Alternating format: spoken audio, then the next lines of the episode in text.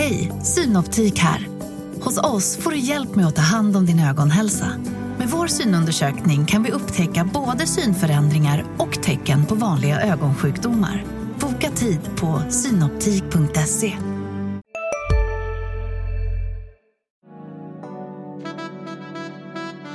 Du lyssnar på en podd från Närkes Allehanda.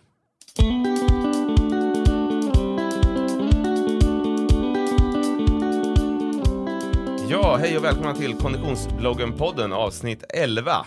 Veckans gäst har precis avslutat sin internationella genombrottssäsong med ett guld och två brons på skidorienterings-EM. Men Elin Schagerström, du får samma första fråga som alla andra. Vad är det längsta du har sprungit? Ja, hej, kul att vara här.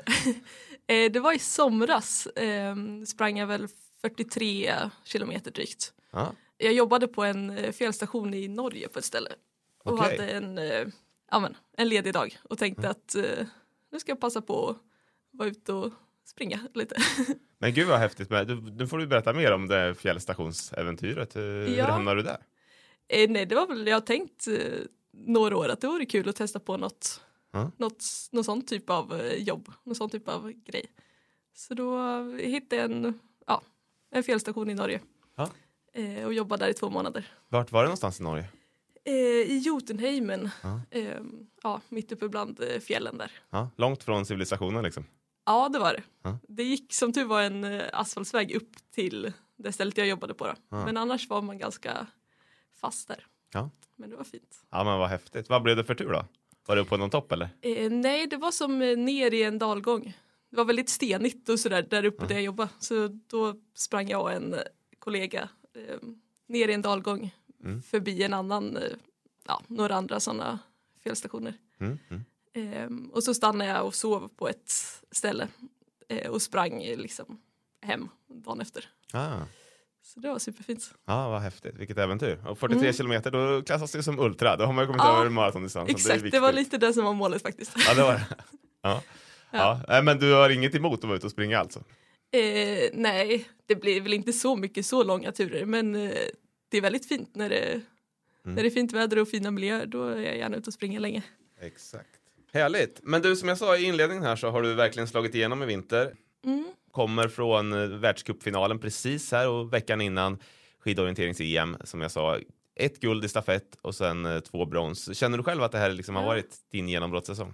Eh, ja, men lite så. Ehm, det är ju andra säsongen som jag tävlar som senior Mm. egentligen. Och nu känner jag väl att jag är med i toppen lite mer än vad jag har varit förra, ja, än vad jag var förra säsongen. Mm. Så det, ja, det känns väldigt kul. Vad är det som har gjort eh, skillnaden då? Ja, jag tror att det är mer liksom helt enkelt mer träning eh, totalt sett och mer Mm. skidorienteringsträning. Mm. Eh, lite mer kontinuerligt. Mm. Mm. Du är 22 år, som du säger, andra säsongen du tävlar på riktigt bland seniorerna. Eh, och man brukar ju säga att det tar tid i konditionsidrott att liksom det Mm. klivet från junior till senior. Men det är ändå ganska Ja, fort exakt. att vara på den nivån som du är nu. Ja, ja men där. Eh, och det, jag har ju hållit på och tävlat och tränat mycket i många år. Så att eh, jag har väl ändå liksom känt att jag är på gång så. Mm. Men det är kul att vara med och fightas där i toppen. Vad hade du för förväntningar när du gick in i säsongen? Trodde du att det skulle bli så här bra? Hade du liksom fått de indikationerna på förhand? Nej, men inte riktigt. Det var, vi hade ju ett eh, träningsläger i eh, december eh, i Ylles Mm. I, Finland? norra Finland. Ja, exakt. Eh, tillsammans med laget och med finska laget en del. Och då märkte jag väl att så här, jo, men jag hänger ändå med hyfsat när vi hade lite träningstävlingar och sånt. Eh, och tänkte att så här, ja, men det här kan, det kan bli bra. Men jag hade inga speciella förväntningar egentligen. Nej. Nej, tagit det lite som det kommer. Ja, precis.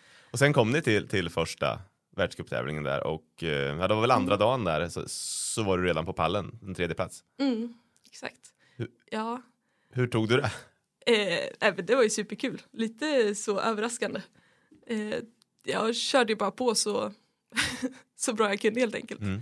Sen märkte jag väl längs banan att, så här, jo, men det här, att jag hade åkt, eh, liksom inte gjort några missar och så var det ja, men en bana som passade mig ganska bra. Lite mera skidåkning eh, än vad det hade varit dagen innan. Eh, och så, Och när du säger lite mer skidåkning då är det lite lättare tekniskt alltså eller? Ja, exakt. Lite lättare tekniskt och lite mera, ja men lite sträckor där man verkligen får trycka på med skidåkningen. Så. Mm. Och så mötte jag Linda som vann då, ett, ja, på ett ställe på banan och visste att så, här, ja, jag startar två minuter efter henne. Och att ja, men det skiljer, jag ligger inte så långt efter. Liksom. Så Nej. då kände jag väl att så här, ja, men det här kan räcka till något bra. Mm. Mm. Så det var superkul.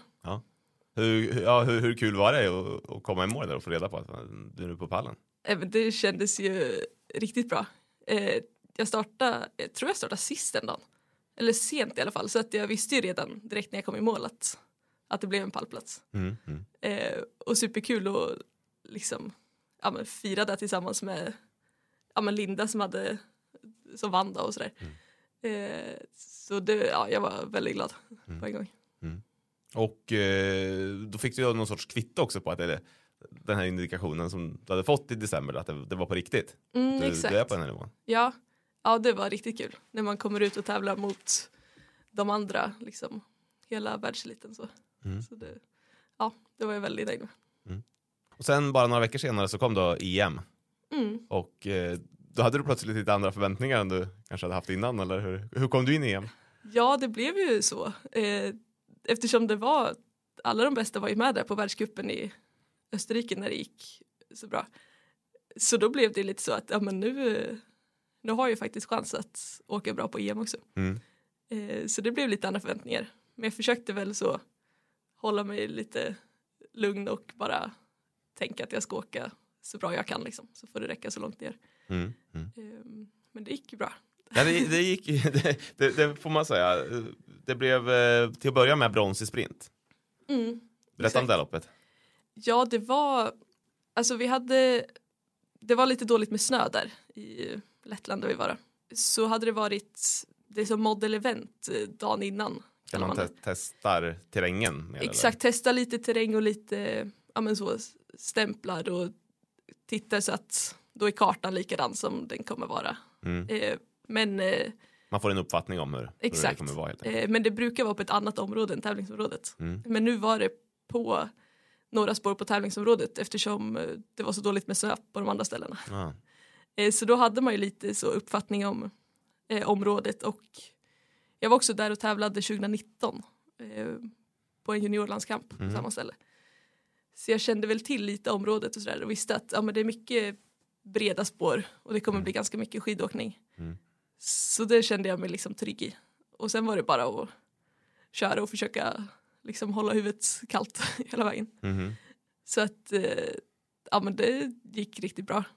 Eh, jag gjorde väl en liten miss, ett lite dåligt vägval på ett ställe men annars var det ett klockrent lopp liksom. Mm. Mm. Så det var jag supernöjd med. Ja. Mm. Och, och det gräver man sig inte åt i efterhand då om man ett brons, att man gjorde ett litet, någon liten miss. Nej, Nej. inte alls. Då var jag bara väldigt nöjd. Exakt. Sen blev det lite kaos under det där EMet. Mm, det kan man säga. Var det matförgiftning eller var det magsjuka som drabbade svenska lag? Har man konstaterat det eller? Nej, alltså vi vet väl inte riktigt. En idé som jag tror på är vattnet. För det var, ja men man ska tydligen inte dricka vattnet i Lettland. Och vi Mhm. köpte vattendunkar så. Men eh, stället vi bodde på så där åt vi också lunch och middag. Eh, och då drack vi vattnet som de serverade.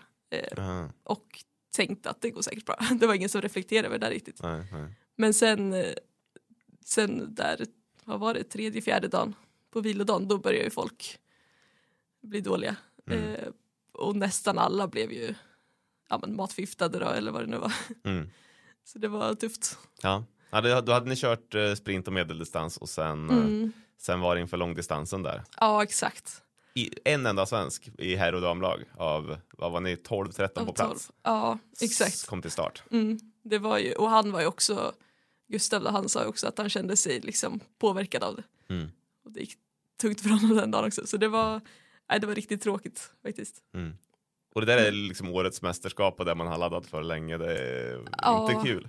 Nej, exakt.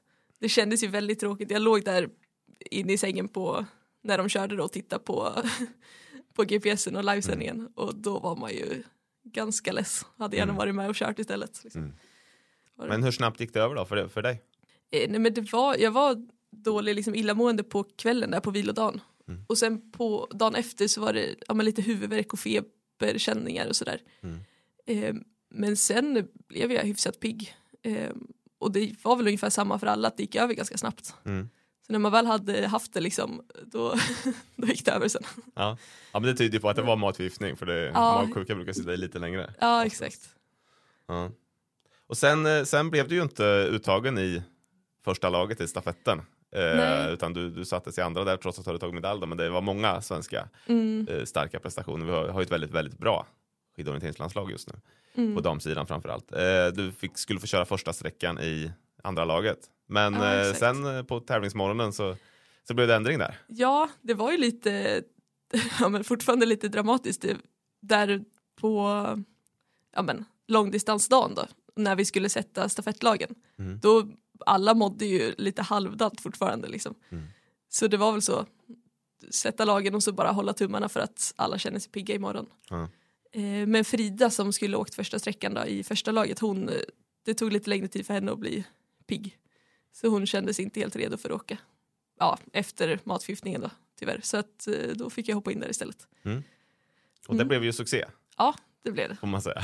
Ja, Ni tog ju ert guld där och du, du var snabbast av alla, drog ifrån med var drygt 50 sekunder på, på första sträckan redan. Hur? mm. ja men det var riktigt kul. Det var, jag kände mig lite sliten fortfarande och det satt ju lite kvar liksom. Mm. Inte helt eh, hundra, men eh, det kändes ändå bra och så tänkte jag så här, ja, men nu måste jag bara fokusera på att liksom åka rätt och inte göra några missar, göra ett stabilt lopp liksom Mm. för att ge bra förutsättningar för de andra i laget. Då. Mm.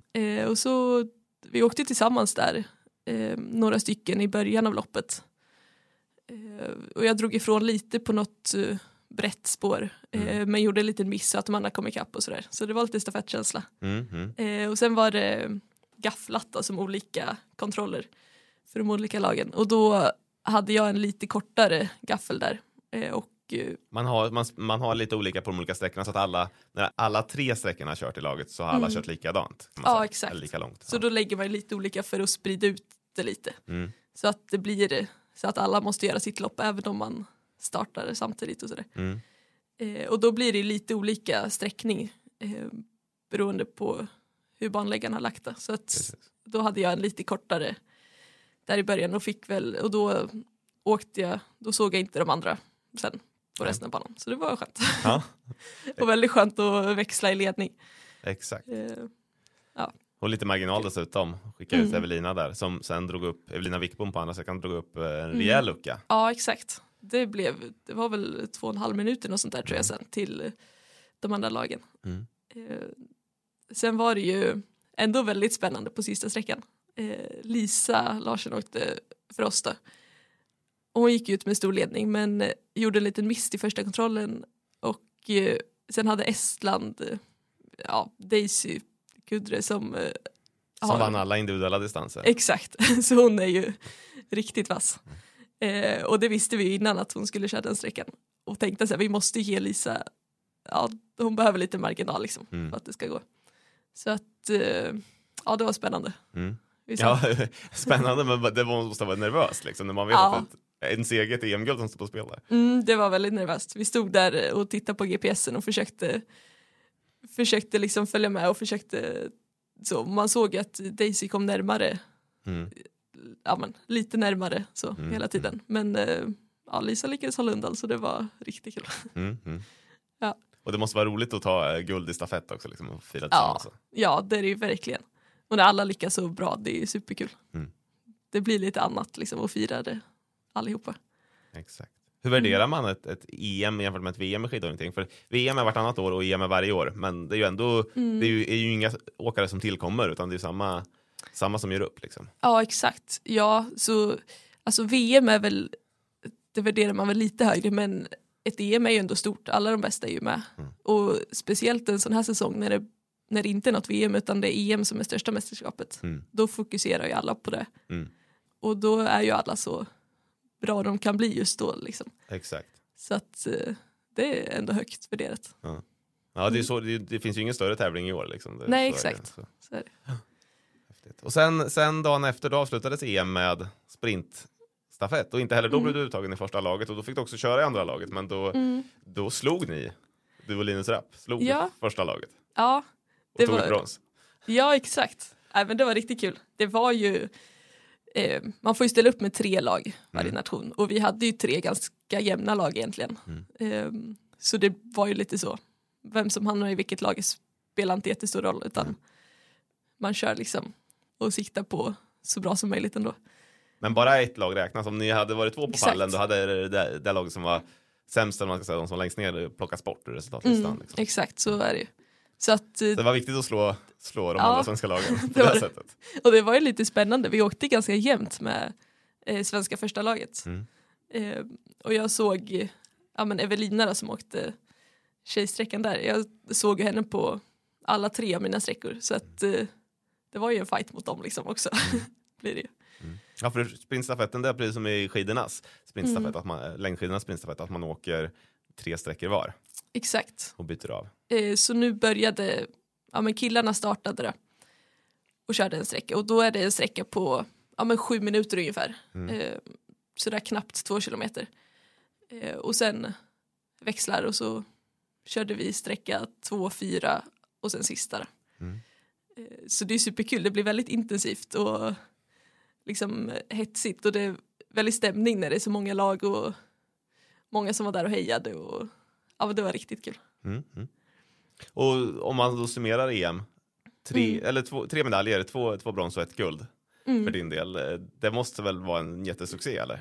Ja, verkligen. Det var...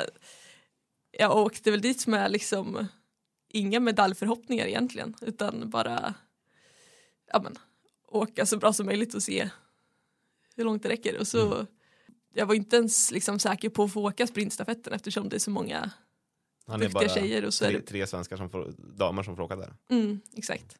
Så bara att få vara med där var ju över förväntan. Mm. Och sen att det blev medaljer på det, det var, ja, men det var riktigt kul. Och Sen, sen får vi säga några ord också om, om si- sista helgen här med, som inte blev lika Mm. rolig riktigt. Det är världscupavslutningen i Beitostölen i Norge. Ja, Eh, du börjar i och för sig då med en, en två av distanserna var också U23 VM och där började du med en bronsmedalj mm. i U23 VM. Men, men i övrigt så, så blev det inte så roligt. Nej, det blev det inte. Jag kände, jag var lite små förkyld direkt efter eh, Lettland Ja. och var lite så tveksam på om jag ens skulle, eh, skulle hinna bli pigg innan Norge.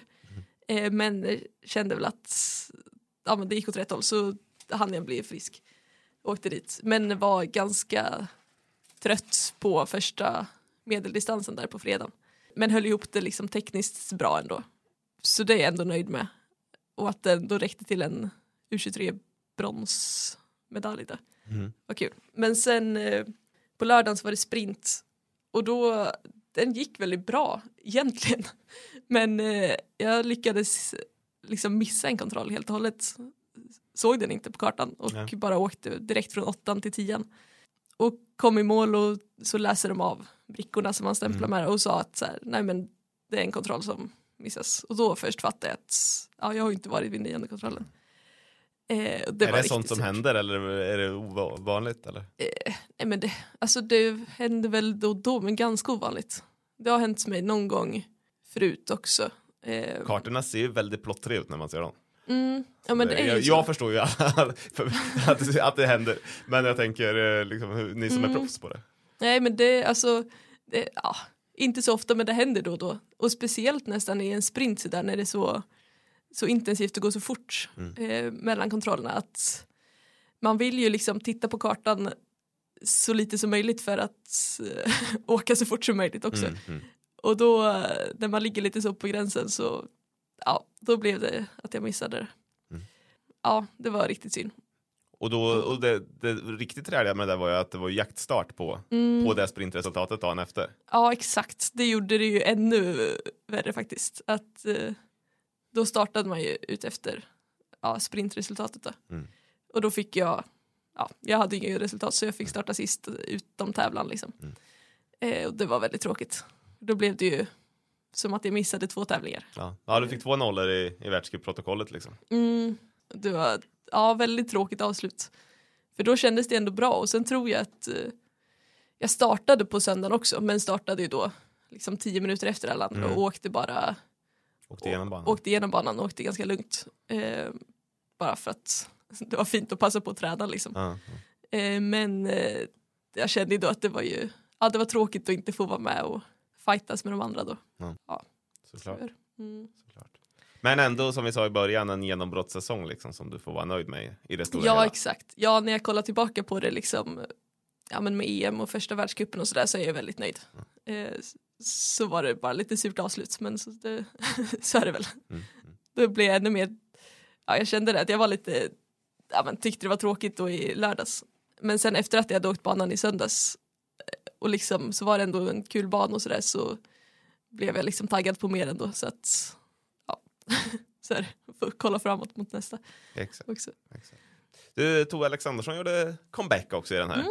avslutande världscuphelgen och eh, vann ju på söndagen där den i jaktstarten du inte fick vara med i. Ja, eh, exakt. Hon är ju ett stort namn i, i idrotts-Sverige överlag liksom, men Mm. har, har, och har ju ett gäng VM och EM-guld i, i skidorientering men har satsat på skidalpinism senaste åren. Mm. Men nu var hon tillbaka lite grann i varje fall, testar. Ja, det är ju superkul. Ja. Eh, och det blir ju lite så, eftersom hon är så stor stjärna liksom, så blir det som lite mer uppmärksamhet kring sporten för att hon är med och det är ju superkul. Mm. Och hon är ju riktigt duktig. Eh, ja, hon åkte ju ifrån alla andra i söndags. Ja, Eh, det var så. ja, och riktigt stark. Det var en lång, ja, en rejäl stigning där eh, mot slutet av banan och då var det ingen som lyckades hänga på henne. Så hon är ju, hon är ju väldigt stark, Mm. fortfarande väldigt duktig liksom. Även om det var ja, men, några år sedan hon tävlade senast. Mm, mm. Det blir en konkurrent att bita i om hon, om hon Mm. fortsätter och Det blir det verkligen. Ja, jag hoppas, ja vi får väl se. Men eh, det är ju ett VM nästa år Mm. och hon låter lite sugen på Mm. det. Så att eh, det blir verkligen någon och en, en vass konkurrent. Ja, klart. exakt, exakt. Och, och en bra lag, lagkompis i ett stafettlag. Exakt, verkligen så. Jag tänkte vi skulle gå in på lite vad skidorientering är egentligen. För jag vet att vi har många löparlyssnare till exempel i den här podden som, som kanske inte har stenkoll. En del har kanske aldrig ens sett en skidorienteringstävling. Det, Nej, det gör man ju inte så ofta tänkte jag säga. Det är lite tv-sändning, eller få tv-sändningar. Jag, har, jag var ute på SM-veckan här när jag gick i Örebro uppe i Jonna Ah. Och eh, så har jag väl varit på någon mer tävling någon gång. Men, men annars så ser man det ju inte jätteofta. Men, men eh, om vi börjar med det, hur, hur hittade du till skidorienteringen? eh, alltså det var väl, jag har liksom åkt längdskidor och sprungit orientering ända sedan jag var liten. Mm. Eh, och hållit på med det ja, men hela uppväxten. Och sen var det när jag började på gymnasiet, då var jag ja, men liksom sugen på att fortsätta med både orientering och längdskidåkning. Mhm. Eh, och då i Mora så har de en, på skidgymnasiet där så har de en skidorienteringslinje. Mm. Eh, och då sökte jag väl den egentligen mest för att bara, ja men det kändes som ett bra, bra sätt att få fortsätta med båda på och ha bra träning med både skidåkningen och orienteringen. Ja. Eh, och Men så- hur mycket hade du tävlat i skidorientering innan då? Eh, alltså jag hade åkt ett KM på konstnärsspåret i Annaboda. så Okej. att eh, det var det Men var det räckte för att bli antagen till gymnasiet? Ja, det gjorde det. De märkte väl att jag var liksom taggad på det och så hade jag väl ja, men en del resultat i orientering och sen i längdskidåkning. Mm. Så du Eh. hade rå talang där alltså? Ja, exakt. Så att, eh, det var väl framförallt på gymnasiet där som jag började med skidorientering och eh, tyckte att det var superkul. Mm. Eh, och det är väldigt kul så att då, där blev jag fast. Aha. Ja, speciell bakgrund. Du kommer från Latorp ska vi säga utanför Örebro här, så nära till, till Annaboda. Jag antar att du har tränat där mycket i längdskidåkning Mm, exakt, uppväxten. ja där har jag snurrat många varv på spåret. Det är ju väldigt fint, både för längdskidåkning och för orientering. Ja. Det är superfint. Verkligen, ja, det var ju 10 mil där uppe förra året. Till Mm, och med orienteringen. exakt. Men om vi ska gå in på, på skidorienteringen, man åker ju alltså med ett kartställ på magen liksom, eh, Mm. som man kan läsa. Kan du läsa kartan i hög fart? Ja men hyfsat, det är lite olika beroende på vad det är för spår.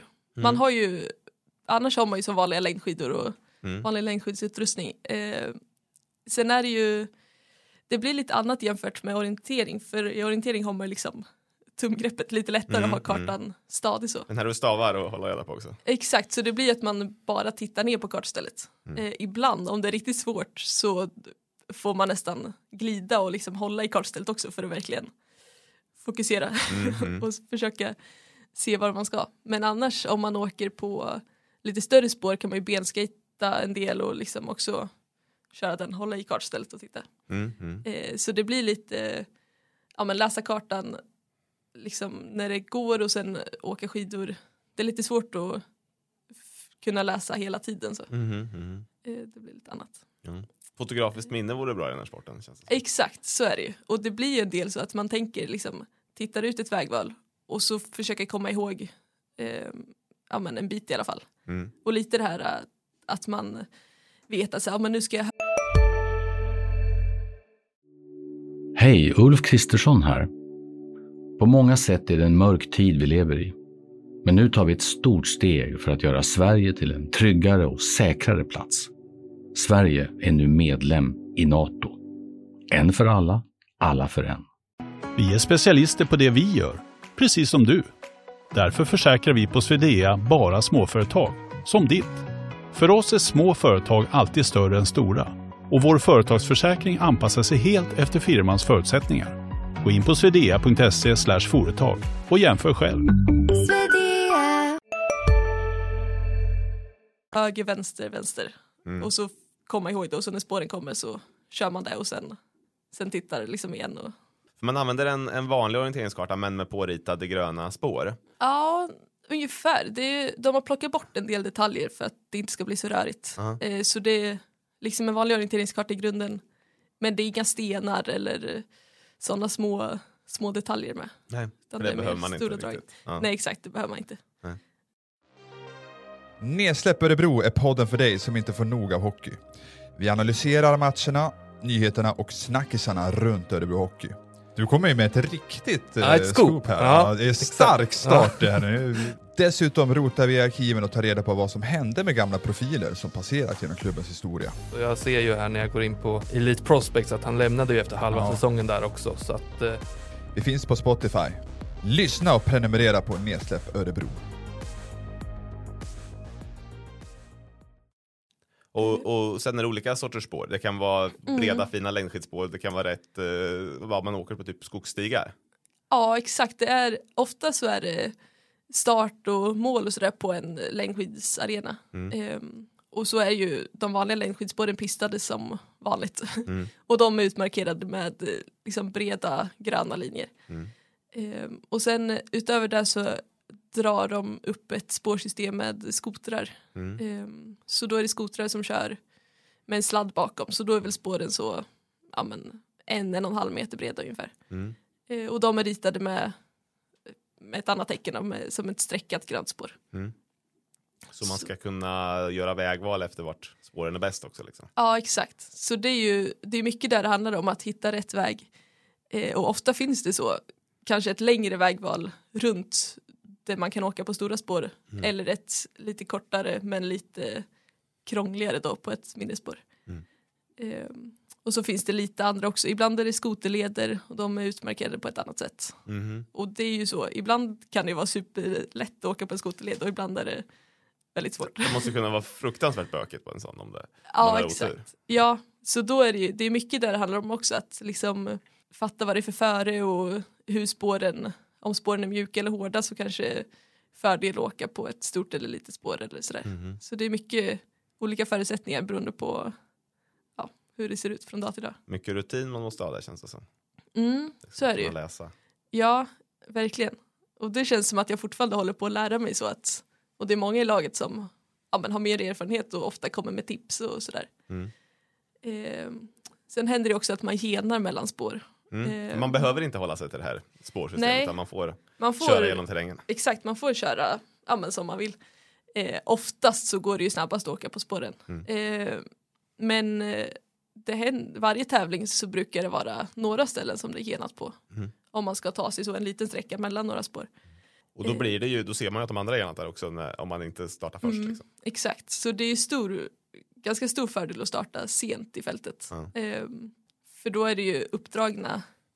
Det är ju sällan som man tjänar på att kö- liksom dra ett gen själv och åka Mm. först i djupsnön. Mm. Men Ja, de som kan kommer ju förstå. bakom, ja exakt, men de som kommer bakom då kan det ofta vara snabbare. Mm. Mm.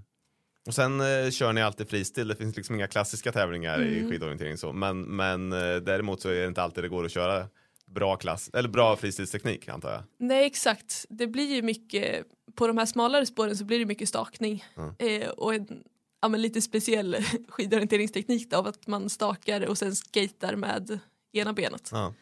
eh, för att det är så smalt så att det är där man får plats med liksom. Mm. Så det är lite annan teknik på det sättet. Mm. Ehm, och det är också, det får man också anpassa då, att vissa är väldigt duktiga på just den grejen eh, och duktiga på att åka smalspår. Mm. Vissa känns, är liksom snabbare på att åka skata med vanlig teknik på breda spår. Mm. Så då, det får man också anpassa vägval och sånt där efter vad man själv, vad man själv är bäst på. Mm.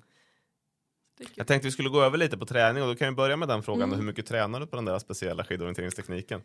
För jag tänker att det, det är den Ja. som blir på tävling mycket. Ja exakt, det blir mycket på tävling och på ja, men när det är ren skidorienteringsträning. Mm. Eh, sen tränar jag lite grann på smalspår också.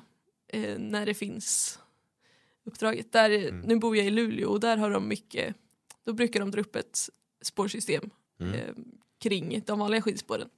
Så då blir det lite träning på smalspår Mm. och på sån teknik. Mm. Mm. Men annars är det mycket vanlig liksom, längdträning. Mm. Eh, Ja, för jag tänker det, ju, det känns så mycket roligare att gå ut och bomba på ett hårt pass på eh, bra, fint pistat eh, spår Mm. liksom, än att ligga på de där smalspåren och bli begränsad. Exakt, ja så är det. Och det blir mycket så i träningen att ja, men om det är intervallpass och liksom det jag är ute efter då blir det mycket vanlig skidträning på vanliga spår. Eh, och sen blir det mer smalspårsåkning om det är mer eh, ja, men, träna på orienteringstekniken eller sådär. Mm. Eh, så det varierar en del. För det är svårt, att, det är svårt också att få upp eh, pulsen helt och sådär på smalspår tycker jag. Mm. Eh, Ja, men det kan man ju tänka sig att man inte mm. kan ta ut sig på samma sätt. Nej exakt, det är lite trixigt och eh, ja, men lite krokigt och sådär så det blir ju det blir ju liksom jobbigt på ett annat sätt men om, det, om det är tuffa intervaller på schemat då är det, då är det liksom åkning på vanliga spår. Mm.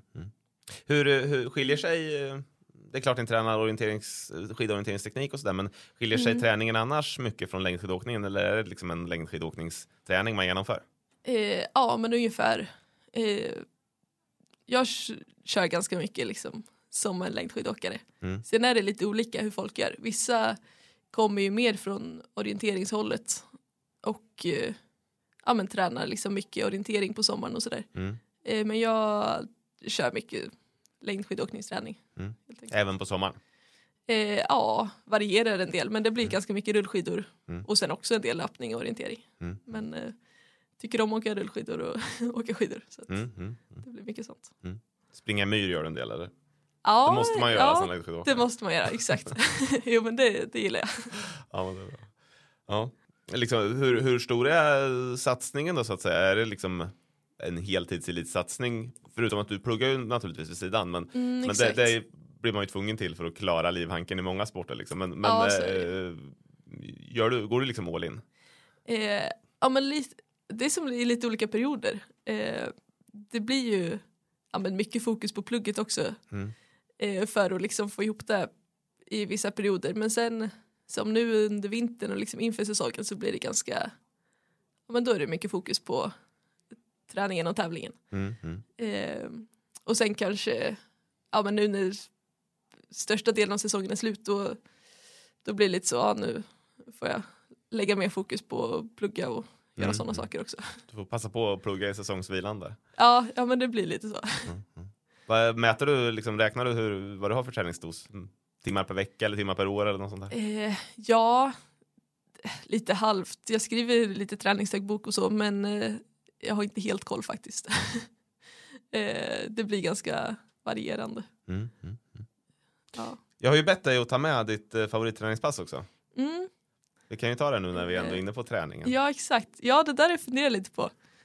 Jag har väl ingen så typisk, ja men just den här typen av intervaller eller så. Men eh, alltså stavgångspass, intervaller, stavgångsintervaller, det, det är en favorit. Alltså uppför backe då eller? Mm, exakt, Ja. uppe i slalombackar. Ja.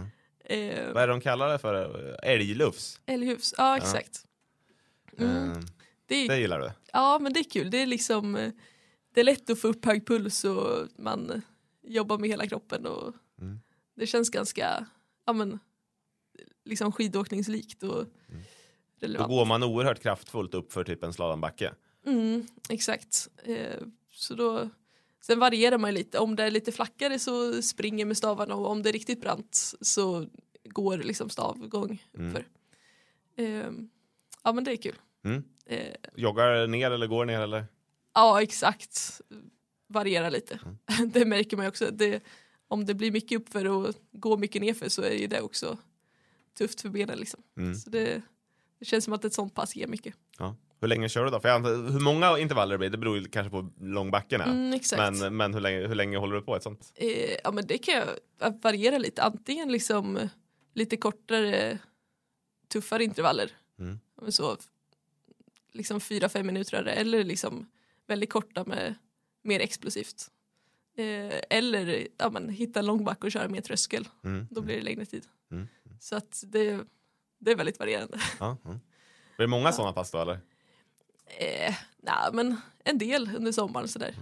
Sommaren och hösten. Kört en del i Storstinshöjden Mm, ja när du exakt. var yngre? Den liftgatan uppe i Storsindshöjden, det, är- det är en klassiker. Ja, exakt. Den är fin. Där har jag också varit och sprungit. Så. Ja, Vi pratade ju förut om hur du hittade till, till sporten här, att du började Mm. på, på gymnasiet. Men sen så, så eh, måste jag ha gått ganska fort, för 2017 tog du brons på ungdoms-EM redan. ja exakt. N- när började du gymnasiet? Eh, ja, hösten 2016, så det var ju första säsongen Det som var vi höll första, på. allra första säsongen som skidorienterare. Mm. Det är häftigt. Ja, ja men det, det var det.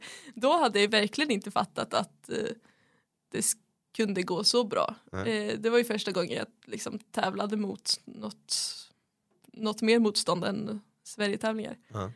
Eh, men jag kommer ihåg att det var en tränare som sa innan det där mästerskapet att så här, jo, men du, alltså, om du åker riktigt bra då kan du ta medalj. Men då trodde jag inte riktigt på det. Mm. Nej. Men eh, ja, det var kul. Ja. Då blev jag ju verkligen taggad på mer också. Ja, men det förstår man. Det förstår man. Mm. Sen gjorde du tre, tre JVM i rad. 2018 var du som bäst sjua individuellt. 2019 tog du två silver. Och 2020 tog du guld i sprint. Mm. Det låter som en spikrak Ja, karriärväg. ja men det var lite så. Eh, liksom utvecklades hela tiden och vi hade väldigt bra träning på gymnasiet. Mm. Eh, väldigt kul och lyxigt det där med att ha liksom träningen inlagd i schemat och Mm. sådär. Så att eh, ja, men jag utvecklades för mycket under de där åren eh, och ja, men blev bättre och bättre skidorienterare helt enkelt. Mm. Eh, så var det kul att toppa det med ett JVM-guld. Det var ju som liksom målet. Ja, kommer man från året innan, man är ett år yngre och har tagit två silver, då förstår jag att då, då vill man ha det guldet. Ja exakt, jo men så var det. Eh, så det var riktigt kul. Mm. Eh, ja, det är jag väldigt nöjd med. Och hela juniorsäsongen så. Eller junioråren. Mm. Mm. Men sen, sen blev du första års senior och eh, Mm. då tävlade du inte alls, så tog du sabbatsår. Ja, då Det här tog jag lite viktiga första senioråret som man brukar Ja, prata om. exakt. Hur tänkte du då? Nej men det var, jag var väl lite, alltså jag har väl alltid varit sugen på att testa något annat också. Även om det är väldigt kul med idrotten så Mm. känns det som att det finns mycket annat att liksom testa på. Mm. Eh, och så då efter studenten från skidgymnasiet så var jag hemma och jobbade lite ett halvår på ett café. Tränade ganska mycket men liksom tävlade ingenting. Ja. Eh, och sen var jag i Tromsö i Nordnorge eh, ett Mhm. halvår över vintern där och gick på en folkhögskola. Mm. Ehm, och ja, men gick toppturer och seglade och hittade på lite sådana grejer. Seglade också, på vintern. Ja, exakt. Det var, linjen handlade om att ja, men segla och gå toppturer. Så Okej. det, var, det var kallt men väldigt fint. Det låter som, eh, som en fantastisk folkhögskola. Ja, det, det var det. De har ju mycket sådana linjer där. Så det var liksom friluftslivsinriktningar och sånt där. Mm. Eh, och ja, men det var superfint och jättekul att testa på något, något helt nytt. Mm. Eh, och få massa sådana upplevelser. Jag har ju varit i Tromsö ett par gånger, men bara på sommaren. Mhm. Sprungit bland annat eh, Tromsö Sky Race. Då springer man ju Ah. över Tromsdalstinden först och sen upp på Hamperocken. Det kanske var några toppar som du Mm. avverkade där. Ja du, Tromsdalstinden kanske. Det är det närmaste berget kanske. Det är ju där kabinbanan går upp och sen fortsätter man. Ja.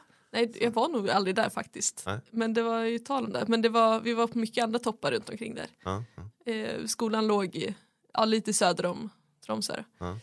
Eh, Ja, jag- otroligt fint område. Det finns ju många Mm. toppar där. Så Ja, det är superfint. Jag har aldrig varit där på sommaren än så att eh, det, då, det blir då har du något kvar. att återvända till där. Ja, fi- exakt. Du, när du ändå pratar om att springa i, i fjällen som vi börjar, Mm. börjar podden med så, så kan man rekommendera det Ja. området verkligen. Ja men det, jag har hört talas om det där racet och Mm. tänkt att så här, det vore kul att testa någon gång. Mm. Då får du passa på för de, kör, de lägger ner efter i år. Jaha, va? Ja, oj. Sista, sist, allra sista upplagan går i september, oktober, augusti, september någon gång. Jaha, oj. Ja, då, då har du bråttom. Då har jag bråttom. ja. Så är det. Sen, men sen, sen efter det här sabbatsåret, då, då Mm. hittar du tillbaka. ja, det var... Jag märkte då att jag saknade det väldigt mycket. Eh, saknade att ja, men, träna och tävla. Och speciellt när man såg så, tittade på resultat från de andra som körde tävlingar och Mm. sånt där, så saknade jag det. Och sen i samband med att jag började plugga i Luleå då, så liksom tog jag upp satsningen igen. Mm. Eh, då kändes det som bra timing. Och det var inför förra säsongen och då fick du Mm. debutera världscupen, EM, VM Mm. eh, och gjorde bra resultat. Du tog även då ett U23 VM-brons bland annat och sen Mm. Eh, ett års träning till så, så är du där idag. Ja, exakt. Så det har gått ganska fort. Ja, det har det. Eh, och det är väldigt kul att liksom märka att man utvecklas hela tiden. Mm. Eh, och då, ja, men då blir man ju sugen på att verkligen fortsätta. Mm. Och så är det bra, där jag är i Luleå nu då, så är det väldigt bra träning och liksom bra förutsättningar för att fortsätta och träna och tävla under tiden jag pluggar också. Så Mm. Mm. det är perfekt. Hur mycket mer utveckling finns det kvar då? Hur mycket bättre kan det bli? Jo, men det finns mycket kvar, skulle jag säga. Framförallt på liksom det specifika skidorienterings... Eh, ja, men, eh, både tekniken med orienteringen och liksom smalspårsåkning och så. Så det, det finns mycket kvar att utveckla. Då kan, då kan det bli väldigt bra. Ja. Eftersom det redan har blivit ett guld. Ja, exakt. Ja, ja. En speciell grej med skidorienteringen också, det är, det är ju att säsongen är så kort. I år betar ni av EM och alla världscupdeltävlingar på typ en månad. Ja, Träna exakt. 11 månader för en månad. Nej, det finns ju Ja. lite fler, det finns ju SM och så vidare kvar, Mm. men det är ändå väldigt kort internationell säsong. Ja, och speciellt i år. Eh, förra året var den lite längre. Då låg ju VM lite senare Mm. på säsongen. Eh, men i år blev det väldigt kort och intensivt. Mm. Eh, jag vet inte helt varför det, varför det blev så, men eh, jag tror liksom tanken egentligen är att ha en lite längre säsong. Mm. Eh, men nu på sätt och vis så är det ju ganska liksom eh, man får ju försöka få till formtoppen nu då så ja, Ja, det var inte så mycket att fundera på när man skulle vara i form. Utan det, nej exakt det var ganska tydligt. ja, ja. Eh, så det är ändå liksom kul på sätt och vis. Om man jämför med ja, men, orienterarna som har en väldigt lång säsong. Extremt lång har de ju Mm. nu för tiden. Det börjar med Swedish League i april i år och så håller de på till EM i slutet av oktober. Ja exakt, då är det ju nästan tvärtom att så här, hur ska man lägga upp det för att eh, liksom, kunna vara bra hela säsongen. Mm. så det blir annat. Ja men så är det ju. Det är två helt olika approacher får man säga. Ja. Men, men nu har, har ni några SM-tävlingar kvar, två SM-helger. Mm. Eh, men Exakt. när jag pratade med dig efter världscupfinalen här så var du också in, lite inne på att det kanske blir ett Vasalopp. Ja, Har du funderat något mer på det Eh, eller? Ja men lite grann, det blir det nog. jag har inte anmält mig än eller så Ja. men det, eh, jag har väl tänkt, jag gick ju skidgymnasiet i Mora Mm. eh, och eh, ja men då är det ju väldigt mycket fokus på Vasaloppet när man bor där som skidåkare liksom. så att eh, jag har väl alltid tänkt att någon gång vore det kul att testa. Mm. Ehm, Och då kanske det passar i år när säsongen var så kort. Ja exakt, det är ju så. För eh, annars har det krockat, ja, men kan det krocka en del med annat eller att det inte passar så bra inför större tävlingar som är kvar senare på säsongen. Mm. Men nu, eh, nu ligger det väldigt bra till så då är det väl bara att köra. Mm. jag. Jag tror att du är god för i ett Vasalopp. Då. Alltså jag har ingen aning faktiskt. Mm. Eh, det, jag har väl inte så mycket förväntningar, mest bara ja, köra och så får vi se liksom. Mm. Mm. Eh, det är ju något helt annat. Ehm, Det är det. Vi var ju inne på eh, förut att ni stakar en del på smalspåren och så här, men det är Mm. ändå eh, Vasaloppet är ju ändå ingen fritidsåkning. Det är ju bara, nej exakt. Bara, jag vet inte om du har tänkt att ha festvalla eller om du, du ska Nej. staka nio mil. Men, men det är ju ändå något helt annat än skidorientering. Ja exakt. Jag har inte riktigt bestämt om det blir med Festvalla eller inte. Det, det får vi se hur det känns lite närmare in på. Men eh, också där att hålla på så länge. Mm. Jag är ju van att tävla liksom ja, men, kortare Mm, mm. sådär. Jag vet att ni hade på, på, det var väl EM i fjol eller om det var en världscuptävling så hade ni någon åktid på typ två timmar på en långdistans som var helt Mm. extremt. Det Men- var ju den det var den som jag tog ur 23 brons på. det. I, det var i Bulgarien. Eh, det är fortfarande sådär det säger vi i laget liksom efter många tävlingar att ja, men det, kan inte, det var i alla fall inte lika tufft som Bulgarien-lången. det är liksom, det är något i hästväg. Men Ja, då, då höll ni på i två timmar ungefär och Vasaloppet Mm. blir ju åtminstone ja, fem, sex timmar beroende på Ja. hur starkt det är. exakt, ja, så det är något helt annat. Mm. Eh, men det blir kul att testa något sånt. Liksom se hur man klarar av en sån grej. Mm. Eh, det är jag taggad på. Ja. Blir det någon specialträning inför då eller? Ja, alltså- specifika pass liksom? Nej, jag vet inte, jag ska väl prata lite med min tränare i Luleå om det då. Mm. Nu har det inte varit, nu har det bara varit fokus på liksom eh, skidorienteringen hittills. Mm. Eh, men det, det blir väl lite mera stakning och liksom sådär klassisk åkning inför eh, och kanske lite, lite mer anpassat Mm. Mm. eh, sista veckorna nu. Får vi se.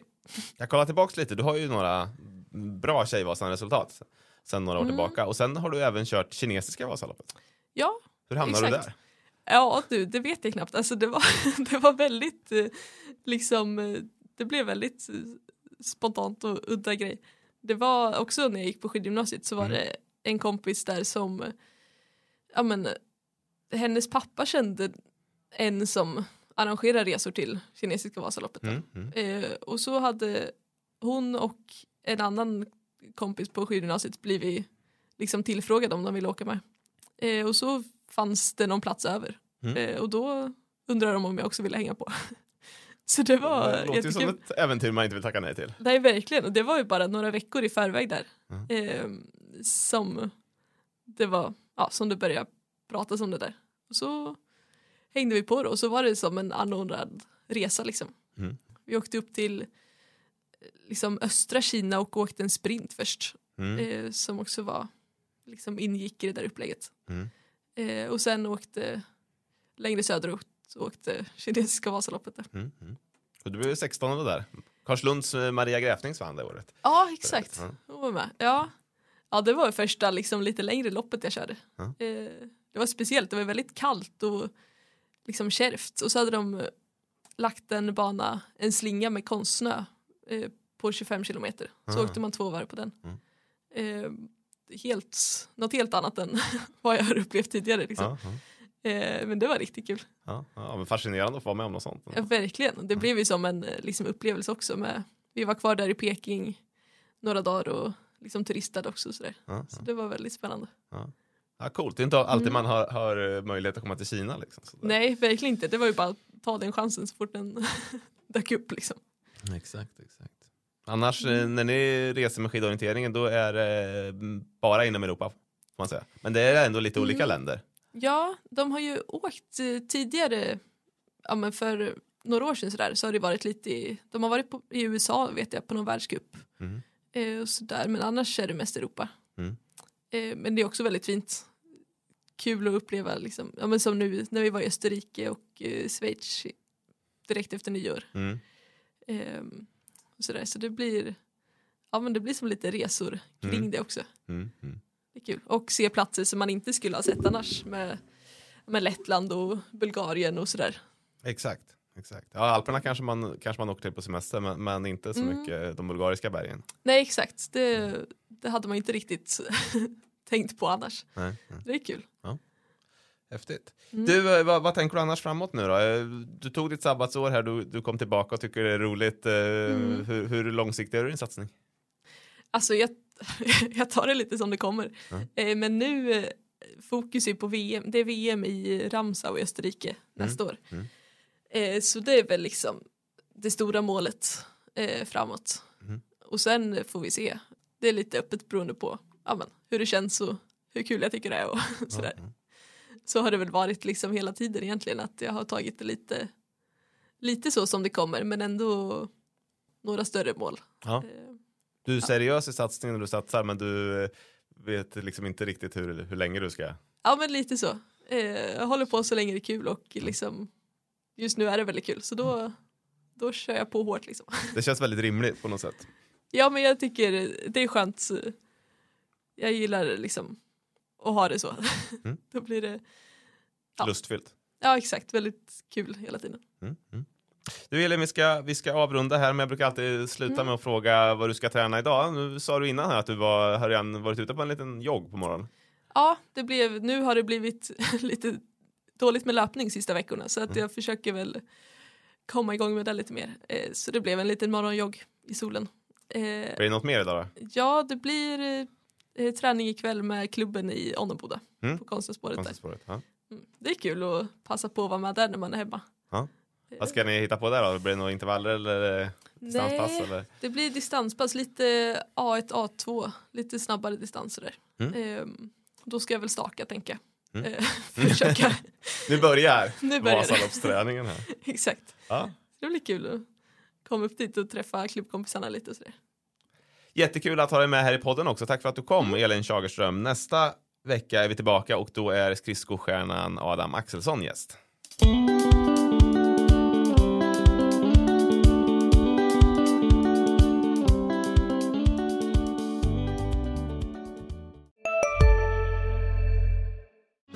Hej, Susanne Axel här. När du gör som jag och listar dig på en av Krys vårdcentraler får du en fast läkarkontakt som kan din sjukdomshistoria. Du får träffa erfarna specialister, tillgång till lättakuten och så kan du chatta med vårdpersonalen. Så gör ditt viktigaste val idag, listar dig hos Kry. Okej hörni, gänget! Vad är vårt motto? Nej, allt är inte alltid som du tror. Nu täcker vårt nät 99,3 procent av Sveriges befolkning baserat på röstteckning och folkbokföringsadress. Ta reda på mer på 3.se eller i din 3-butik.